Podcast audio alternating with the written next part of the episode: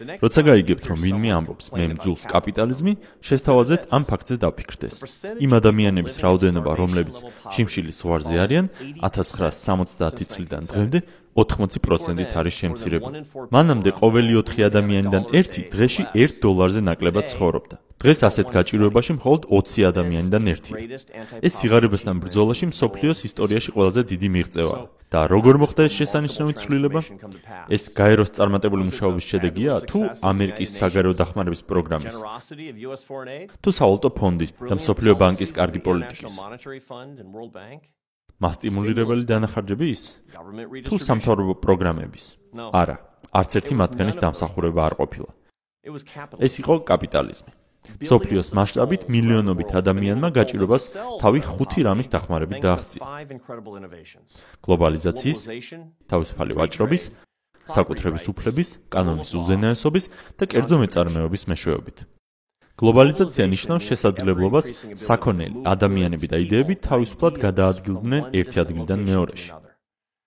თავისუფალი ვაჭრობა აძლევს წვდომას ადამიანებსა და ბაზრებს ერთმანეთთან მცირე ან სრულიად არარსებული ბარიერებით ივაჭროთ. საკუთრების უფლება ნიშნავს, რომ რაც თქვენ გეკუთვნით, თქვენია და ხელშეუხებელია სახელმწიფოს მიერ. კანონის უზენაესობა უზრუნველყოფს კონტრაქტების უსაფრთხოებას და იმას, რომ ისინი იმოქმედებენ ყველგან, იქნება ეს გაფორმებული პერუში თუ პოლონეთში. მეწარმეობა არის თავისუფალი ადამიანების კრეატიულობა, რომლებიც ქმნიან ისეთ პროდუქტს, რომელიც არც უცოდით თუ გჭირდებოდა და გვინდოდა. აღსანიშნავია, რომ ეს ხუთი რამ აღმო აღმოსავლეთ აზიაში მეორე მსოფლიო ომის შემდგომი მშვიდობიანობით დამყარდა, რომელიც შეერთებულ შტატების დიპლომატიური და სამხედრო გავლენის შედეგია. ნება მომეცით ეს ცოტა განსხვავებულად გადმოცემ. თავისუფალი წარმოების გლობალიზაციის ლიდერობის ამერიკული კონსერვატიზმის იდეები არის პასუხისმგებელი სიღარიბის ყველაზე დიდ კლებაზე მას შემდეგ, რაც კაცობრიობამ თავისუფლა დაიწყო ჭაობიდან ვარსკვლავებამდე. ეს შესანიშნავი პროგრესი იყო ამერიკის საჩუქარი დედამიწისთვის.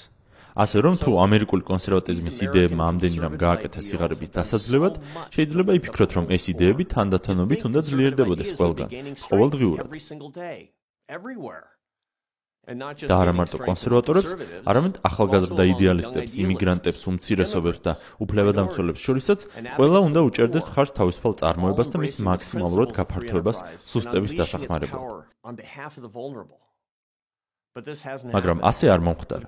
პირიქით, კაპიტალიზმს ახალი მიმდევრების გაჩენა ძალიან უჭირს. მეტიც, ბევრი ფიქრობს, რომ ის მალე გაქრება, როგორც ეს მოხდა ევროპის დიდ ნაწილში.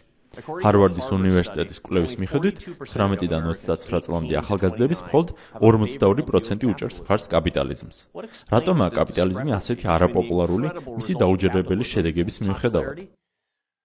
რატომ უტევენ კაპიტალიზმს ასე ძლიერად? პასუხი მარტივია. თავისუფალი მეწარმეობის დამცველებმა ძალიან ცუდად შეასრულეს თავიანთი საქმე სოფლიოს გარშემო კაპიტალიზმის მიღწევებზე საუბრისას. კაპიტალიზმმა გადაარჩინა 2 მილიარდამდე ადამიანი და ამ საოცრებას ჩვენ ისევ ექცევით როგორც სახელმწიფო საიდუმლოებას.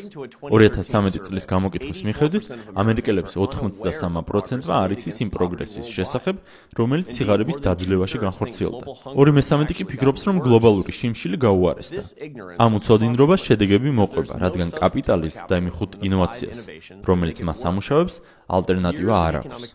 წლების განმავლობაში ჩატარებული კვლევები აჩვენებს, რომ მასთან ვერც ერთი სისტემა ვერ მოდის ახლოს. მით უმეტეს კომუნიზმი და სოციალიზმი. ჩვენ გვჭირდება სისტემა, რომელიც იმ დროსაც კი მუშაობს, როცა შენ გძინავს, რომელიც ქმნის ადამიანების კეთილდღეობას ცენტრალური დაგეგმარების და კეთილმოსურნე ბიუროკრატების გარეშე. მეტი კაპიტალიზმი უდრის მეტ ზრდას. ფორმულა შესაძლოა მარტივად გეჩვენებათ, მაგრამ ის მუშაობს. და როგორ დავეხმაროთ სიღარიბეში დარჩენილ იმ 1 მილიარდს? პასუხი მარტივია. თუ მართლა გინდა დაეხმარო გაჭირვებულებს, ხარი დაუჭირე კაპიტალიზმს. მე არტურ ბრუქსი ვარ, ამერიკის წარმოების ინსტიტუტის პრეზიდენტი, პრეიგერონისთვის. Hey, hope you enjoyed the video. Did you know PragerU is 100% fan funded? We make videos for people like you because of the support of people like you. Click here to help out and help us keep knowledge free for everyone.